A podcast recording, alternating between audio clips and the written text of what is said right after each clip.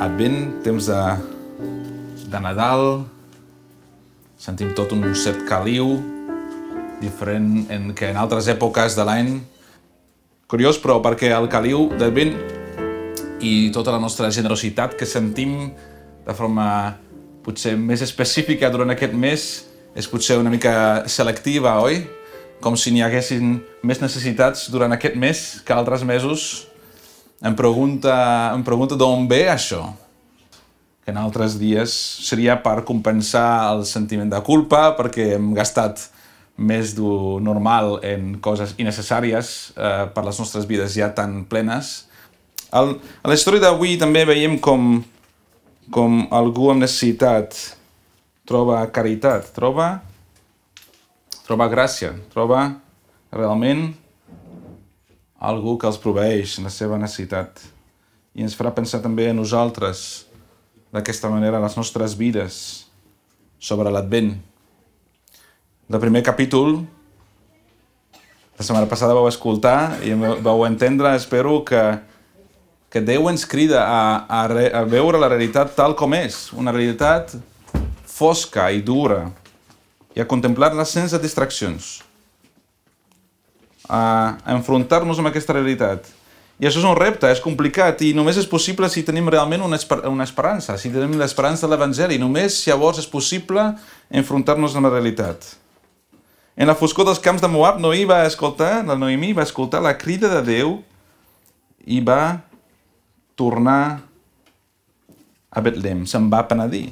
El seu marit Elimelech, el meu Déu és rei, havia mort a Moab, fugint d'aquest Déu però ara, al camí de tornada, al costat de Noemí, camina la seva nora i nova amiga, una dona moabita, proclamant que el Déu de Noemí és de fet el seu rei.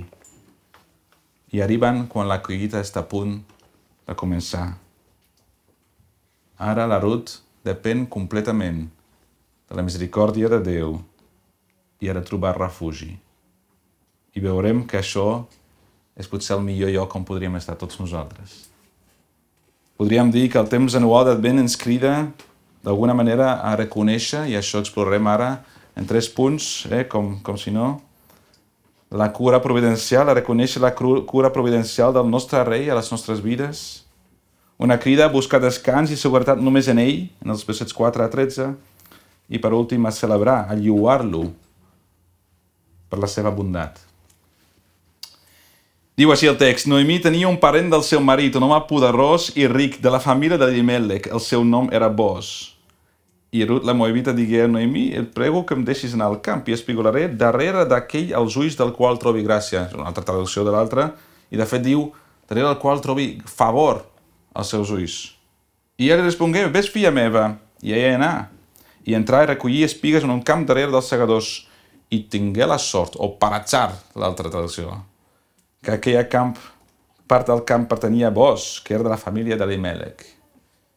S'han tornat a casa, estan, han tornat a la casa del pa, eh? com sabeu, Betlem, però això no vol dir que ja hi ha pa sobre la taula. Recordem que la Noemí tenia una família rica, però ha tornat pobra, i ara la Ruth espigarà darrere dels segadors. No es queda esperant a veure si algú la ve a ajudar, sinó que intenta, intenta proveir per la seva sogra. A les escritures jueves eh, trobaràs el llibre de Ruth just després del llibre de Proverbis. El llibre de Proverbis que acaba amb el capítol 31, que, que és una elògia de la, de la dona virtuosa, si la dona sàvia, realment, ella i la Ruth és, és la personificació d'aquesta dona, de la dona que s'aixeca quan encara és de nit per donar, donar aliment als de casa seva. Potser podem dir que l'actitud de Ruth és una expressió de la seva fe. A sortir a buscar el favor d'algú demostra que la Ruth realment té una esperança. Però us dic un secret, ja. El llibre de Ruth no va de Ruth.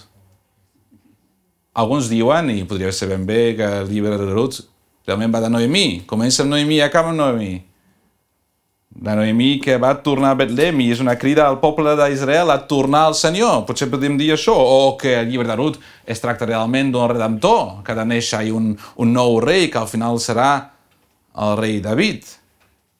Però fins i tot No es tracta d'això. El llibre de Ruth, principalment, ens mostra el govern de Déu en el nostre món.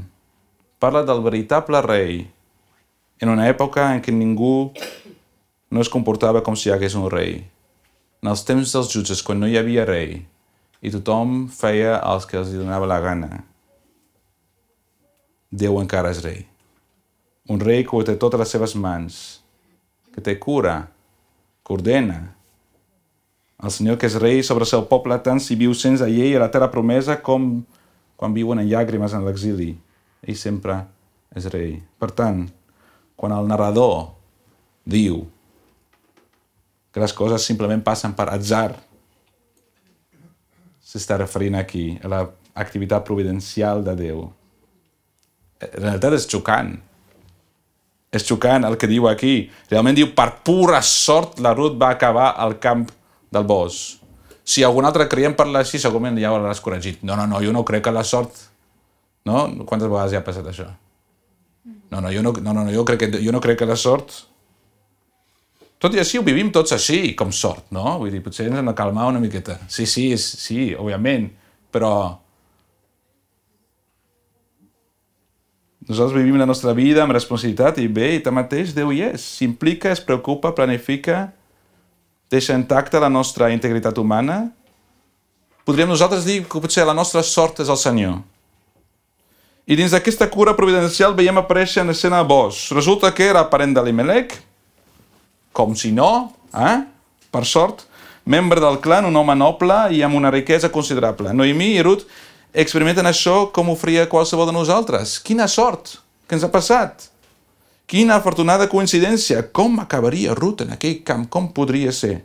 I heus aquí també, quan just troben aquest camp, qui arriba de Betlem al camp no serà el bosc, no? L'autor sap que res no passa per casualitat aquí. I no obstant això, sovint nosaltres ho vivim així. I no només quan la sort ens agrada. La Ruth, que va fer una declaració de fe, en dir a la Noemí, Noemí, el teu poble és el meu poble i el teu Déu el meu Déu. Noemí ha, ha entès alguna cosa que l'Elimelec no entenia. És que fins i tot la fam ve de les mans del Senyor que fins i tot les dificultats venen de la mà de Déu i les mateixes dificultats ens han d'empènyer cap a ell i a fer-nos confiar en ell, a trobar refugi en ell. Així que la fam que ara experimenta la Ruth al principi del capítol 2 no fa que ja torni a Moab, sinó va als camps de Betlem, s'apropa encara més a Déu.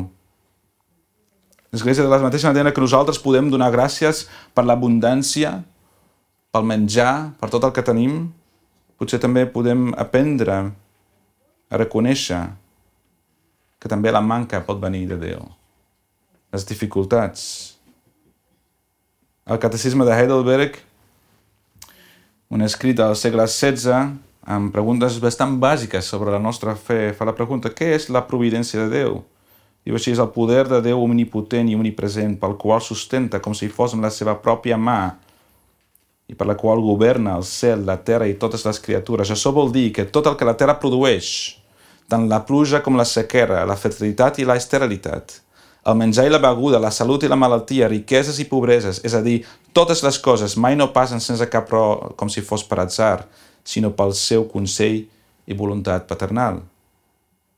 I encara més important, com ens ajuda el coneixement de la providència de Déu? Ens ajuda a tenir paciència en moments d'adversitat, ser agraïts en temps de prosperitat i sempre tenir tota la nostra confiança pel futur posada en Déu, el nostre Pare fidel, sabent amb certesa que no existeix res en aquest món que ens pot separar del seu amor. Nosaltres estem cridats a fer el mateix, a reconèixer la providència de Déu a les nostres vides, en un acte de fe, aprendre a veure l'obra de Déu fins i tot en els moments més foscos hem d'aprendre a confiar que ell hi és, també quan no ho sentim, i que governa la nostra realitat fins i tot en la foscor. El purità John Flavel escriu el seu misteri de la providència que, que la providència realment només s'hi llegeix al revés, després, en mirar enrere.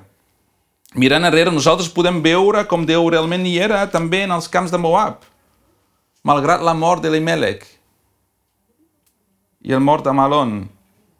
Déu encara tenia el control i era bo, portant Ruth de Moab a Betlem. I ara Ruth, posant la seva confiança en el Senyor del poble de Noemi, creu que ell és el Senyor fins i tot en els moments de fam i dificultat que fins i tot aquesta fam aquest ve d'ell i l'ha de portar cap a ell. La seva providència li dona forces per aixecar-se i anar a treballar. És perquè el Senyor regna que nosaltres som capacitats per treballar al seu servei. Has reconegut la providència de Déu a la teva vida? En estudiar la història de Ruth podem aprendre a veure la seva mà obrant també a les nostres vides és una manera de viure totalment contracultural. És una, una manera de viure que no és fatalista, creient que el futur ja, ja està perdut o predeterminat com a mínim, i per tant cal viure com si hagués d'acabar el món i llavors vivim carpe diem. Ni tampoc la idea que nosaltres determinem el nostre futur i per tant cal, cal esforçar-nos fins l'últim i nosaltres som realment els que tenen control del nostre destí i el futur, sinó al contrari, és l'enfocament humil i agraït. Agraïts quan les coses van bé i alhora amb confiança humil en temps de dificultat. Entendre la providència de Déu i confiar-hi ens portarà a l'humilitat i la gratitud. És la marca, és el que marca la vida dels qui saben que Déu és rei, rei també avui. Per tant, L'Advent és una crida a fer això, a reconèixer la providència de, de Déu a les nostres vides. També és una crida a buscar refugi en el Senyor. Així, per pura sort o per atzar, o aquí, Ruth acaba al camp de Bos. Bos no és qualsevol, ja ho sabem, la manera que s'introdueix, que es presenta aquest personatge no serà qualsevol, aquest Bos. Enmig de l'anarquia i rebel·lió d'aquest moment, recordeu el temps dels jutges? no era qualsevol moment, tu no voldries ser. Jo escolliria l'edat mitjana a qualsevol moment sobre el temps dels jutges. No voldries viure en el temps dels jutges, especialment no com una dona forastera a Betlem. Era un temps, temps de gran injustícia. I allà, en aquest moment, hi ha algú veritablement lleal i pietós, un home de pau. De fet, les seves primeres paraules, les primeres paraules que sentim de la seva boca, invoquen el nom del Senyor i pronuncien la benedicció de pau sobre els seus treballadors. També és notable com després informa sobre la Ruth i després té cura d'ella de la Noemí. El fet que es, pugui, que es pogués espigolar al camp, d'anar darrere els segadors i, i, i, i um, agafar, recollir el que ells deixen caure, no vol dir que en aquell moment molta gent ho, ho permetés. Espigar era una activitat regulada per la llei. N'hi ha bastants, s'esmenta aquesta activitat molt sovint, només m'esmentaré un del Levític, un text que es diu Levític, en, en Levític capítol 19, versets 9 i 10, diu així, quan segueu la collita de la vostra terra, no completaràs la cega fins al racó del teu camp, ni recolliràs les espigolaies de la teva collita, ni esgotimaràs la teva vinya, ni colliràs els grans sols de la teva vinya, ho deixaràs pel pobre i per l'estranger. Jo sóc Javé, el vostre Déu. Un text semblant al Deuteronomi acaba així. Quan veremaràs la teva vinya, no esgotimaràs darrere teu, serà per l'estranger, per l'orfa i per la viuda. I recordaràs que vas ser esclau a la terra d'Egipte. Per això jo et mano de fer això. Deixar que la gent vingués a espigolar el teu camp no era en primer lloc una qüestió legal era un tema de santedat. El llibre de Levític basa tot aquest manament en aquesta frase, perquè jo sóc el Senyor, el teu Déu. Es recorda les paraules del pacte que Déu va dirigir a aquest grup d'esclaus que amb prou feines ni se recordava qui era Déu després de 400 anys de l'esclavitud. Ens recorda també la declaració de la fe de la ruta al primer capítol. Per tant, aquestes lleis eren donades al poble del Senyor, especialment en aquest context del llibre de Levític, que té tot a veure amb la santedat, perquè jo sóc Javé, jo sóc el Senyor, el Déu del pacte, perquè sou meus. Jo us he fet tornar de l'esclavitud i jo sóc el vostre Déu i vosaltres el meu poble per això deixaràs espigolar el pobre. Perquè un cop vosaltres vau ser esclaus i Déu va ser generós amb vosaltres. Us va donar menjar al desert. Sempre ha sigut el vostre refugi. Aquesta llei, de fet, i més que la llei, la pràctica d'aquesta llei, demostraria al món que n'hi havia un rei, que és el Senyor. Que aquesta terra pertany al Senyor. Déu és aquí, per tant, ens proveirà tot comença i acaba aquí amb la identitat, identitat i el caràcter de Déu mateix. Però bueno, quan parlem de la llei estem parlant de la situació ideal, no? I això no és el cas aquí. Saber, coneixem també les, potser les nostres pròpies vides, la realitat de tant la llei del Senyor i com nosaltres seguim la llei del Senyor, i especialment en el temps dels jutges. Una època en què Israel va abandonar el Senyor una rere altra vegada, quan no hi havia cohesió social en aquell moment, ni, ni tenien cura dels pobres, no hi havia compassió ni justícia. I podríem mencionar molts texts del llibre dels jutjos que després podeu anar a buscar a casa després del dinar.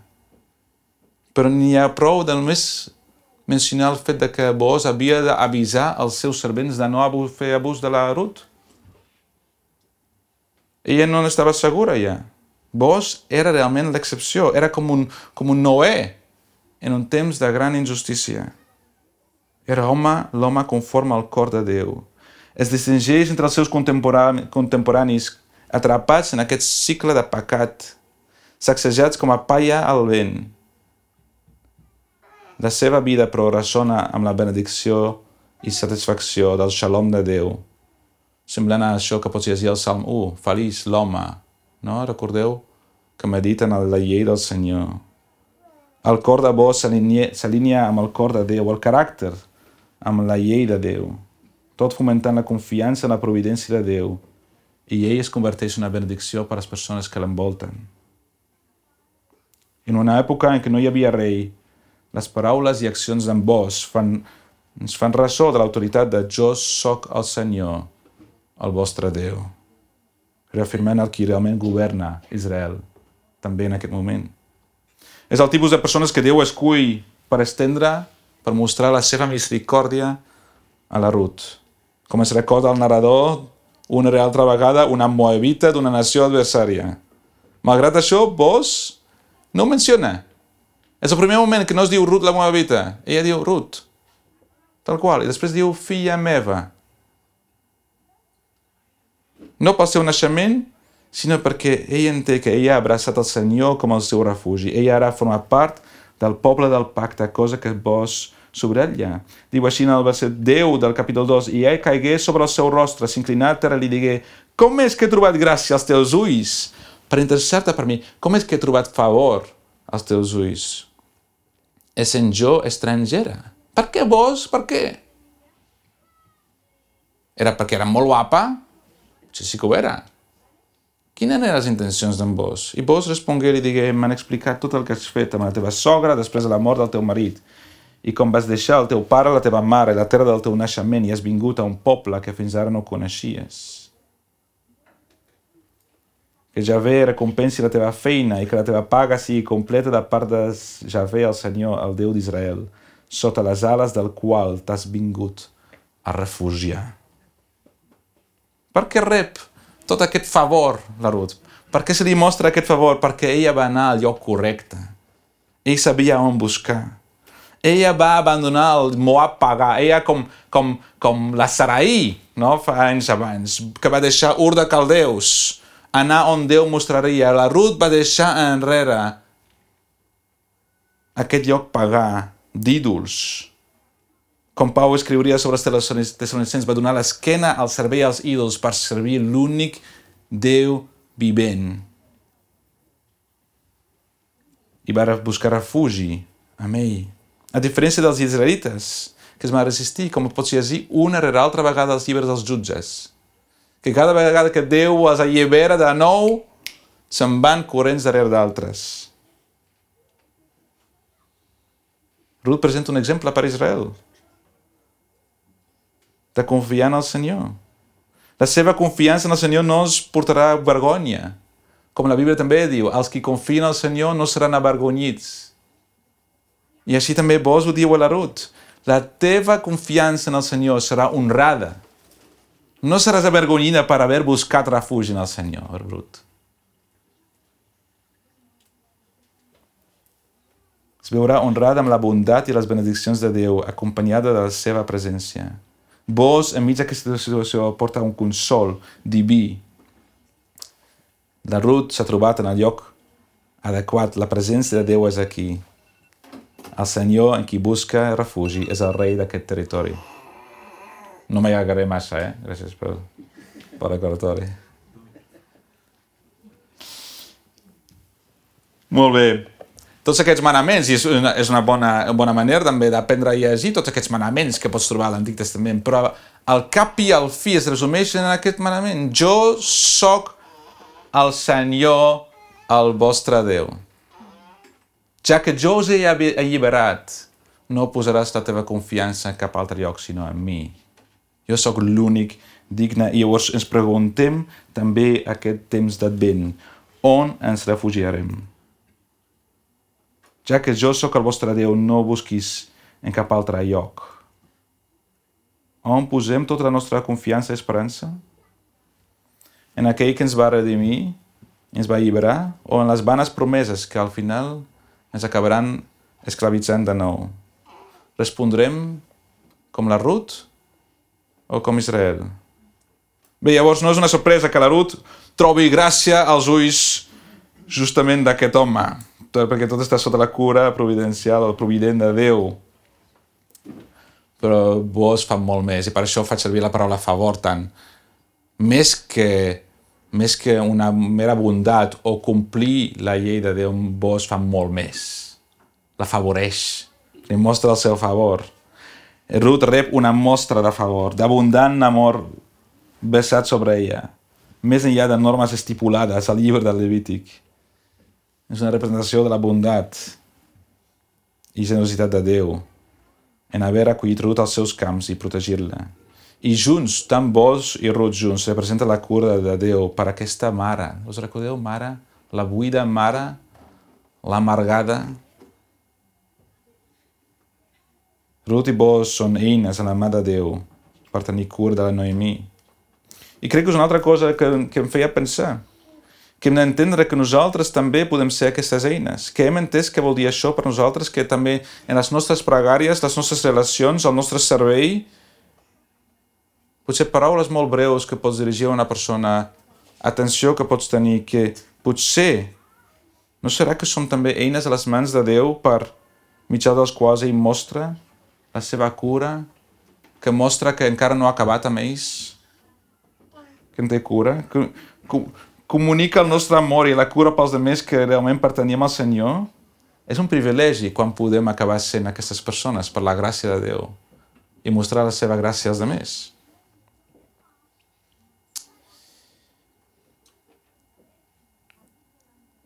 Molt bé. Espigolar, per molt bonic, i, i cada tant en tant pensem per primera vegada o segona o tercera vegada en el tema d'espigolar, um, vull dir, no és una cosa molt recurrent, cosa molt recurrent en les nostres vides, però era una manera de pidolar realment, era, era suplicar, vull dir, no, era, no era una cosa molt digna. Per molt que n'hi havia lleis, mm, era una cosa vergonyosa. Per què fa vos? restaura molt ràpidament la dignitat de la Ruth, convertint-la en la seva convidada oficial, d'honor. Ara està sota la seva cura protecció.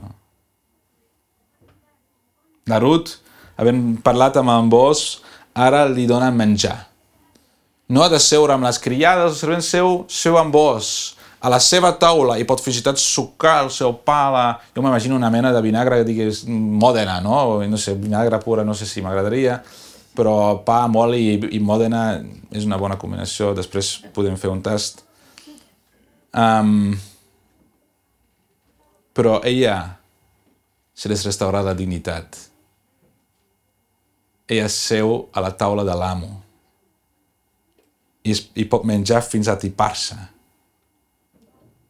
Ara no, no, no és que vos li tolera. Qui és aquesta nena allà? Bueno, bueno que no ens molesti. Vale, molt bé. Que fe... No, no, no, no, no. No, no, no tolera la seva presència. No, no. Gaudeix de la presència de la Ruth. i quan menja i es plena, para i de menjar i guarda el que li queda per la seva sogra. I encara dona més instruccions en boes als seus servents perquè la tractin molt bé. I ella torna, que deia mig sac d'ordi, o fa, diu, són 16 quilos. No sé si qui, qui fa pa, però amb 16 quilos, per dues dones, pots menjar tres setmanes, eh? Fàcilment. Aquelles dones que van arribar buides a Betlem, ara s'omplen. Ni esperança pel futur. Es comença a dur a terme el que podria haver passat pel, camp, eh, pel cap de la Noemí quan va decidir tornar de Moab a Betlem. Deuteronomi 30 parla d'això, no? Quan aneu darrere dels ídols, quan fugiu de la meva presència, etc etc, us escamparé, però quan decidiu tornar, quan es compliran en tu totes aquestes coses, quan te reflexiones enmig de les nacions, on el Senyor, el teu Déu, t'haurà dispersat, i et converteixes amb tot el cor i amb tota l'ànima al Senyor el teu Déu i l'obeeixes en tot allò que avui et mano, ell renovarà la teva vida i tindrà misericòrdia de tu. Ell restaurarà la teva fortuna, diu. Llavors et tornarà a reunir a tots els pobles on t'havia dispersat. Això és el que Déu havia promès. I el que està fent, està restaurant la fortuna de la Noemí, però ara amb si mateix. La Noemí no es creu no creu el que, el que està veient allà, l'espectacle que quan la Ruth surt a veure què em trobo aquí a fora i torna després amb un sac de 16 quilos. Queda sorpresa. On has anat i què has fet, Ruth? Com pot ser que una noia estranya a la Betlem podia assolir, aconseguir tant de menjar? I encara que la Ruth deixa el nom d'en Bos a l'aire fins l'última paraula de la frase, no respon amb a on i què, sinó amb qui. On has anat i on has anat a treballar? I la Ruth diu, vos. Vos. És l'única resposta que ha de donar. No, no a on qui jo he anat ni què jo he fet, sinó tota la resposta es troba en el qui. I això ho resol. És un home de reputació irreprotxable. Irreprotxable. Noemí, ara inundada d'alegria, lloa al Senyor per la seva bondat, amor i misericòrdia cap a ella i a la seva família. Li dona les gràcies per la seva provisió. Noemí digué a la seva nora que ell sigui beneït de Javé, del Senyor, que no ha deixat de mostrar la seva gràcia amb els vius i amb els morts. I Noemí li digué, aquest home és parent nostre, i és un dels nostres redemptors. Noemí lloa al Senyor per la seva bondat, pel seu Geset. No sé qui predicarà la setmana vinent, no, no entraré massa, així tindràs, perquè la setmana vinent sortirà molt sovint. La seva bondat fidel, la seva misericòrdia, com nosaltres traduïm molt sovint. És aquest amor que mai no para, immovible, inamovible és aquest amor del qual els nens diem que les piles mai no acaben d'aquest amor. Per molt que pequis, sa gràcia és més gran. És aquest amor que realment és el fonament de la nació, d'aquest poble i de les nostres vides. Per això, Noemí i Ioa. I aquí veiem com s'uneixen tots aquests temes. El qui, en definitiu, que va afavorir la Ruth no era el bos, era el Senyor. La seva bondat, la seva fidelitat és el que impulsa la providència, per la qual Ruth es troba al camp de Bos. És l'amor i la cura sempre fidel del Senyor per a les persones que no s'ho mereixen. Els que venen amb necessitat, però venen, acudeixen al Senyor. El que hi ha darrere de la providència i el recer que el Senyor proporciona és en efecte el seu geset, la seva misericòrdia, el seu amor fidel. Ruth, Noemí ho veu com una resposta del Senyor, perquè recordeu de la setmana passada que Noemí va pregar que Javé us doni de trobar descans cadascuna a casa del seu marit? Però com diries Isaías, en situacions semblants, però perquè el teu creador és el teu marit. Javé dels exèrcits és el seu nom, i el teu redemptor és el sant d'Israel, serà anomenat el Déu de tota la terra. Noemí ara lloa al Senyor per haver respost a la seva pregària i com fa el Senyor respon molt més que la seva pregària. Perquè aquest home, aquest bosc, farà alguna cosa més que proporcionar menjar en tant en tant. Possiblement es casarà, qui sap, amb la Ruth i donarà descendència a l'Elimelec. Noemí, que s'havia marxat plena de Betlem i ha tornat buida i amargada, ara s'omple de paraules de lluança al Senyor, que fins i tot s'hi va fixar quan era vídua sense nom als camps de Moab.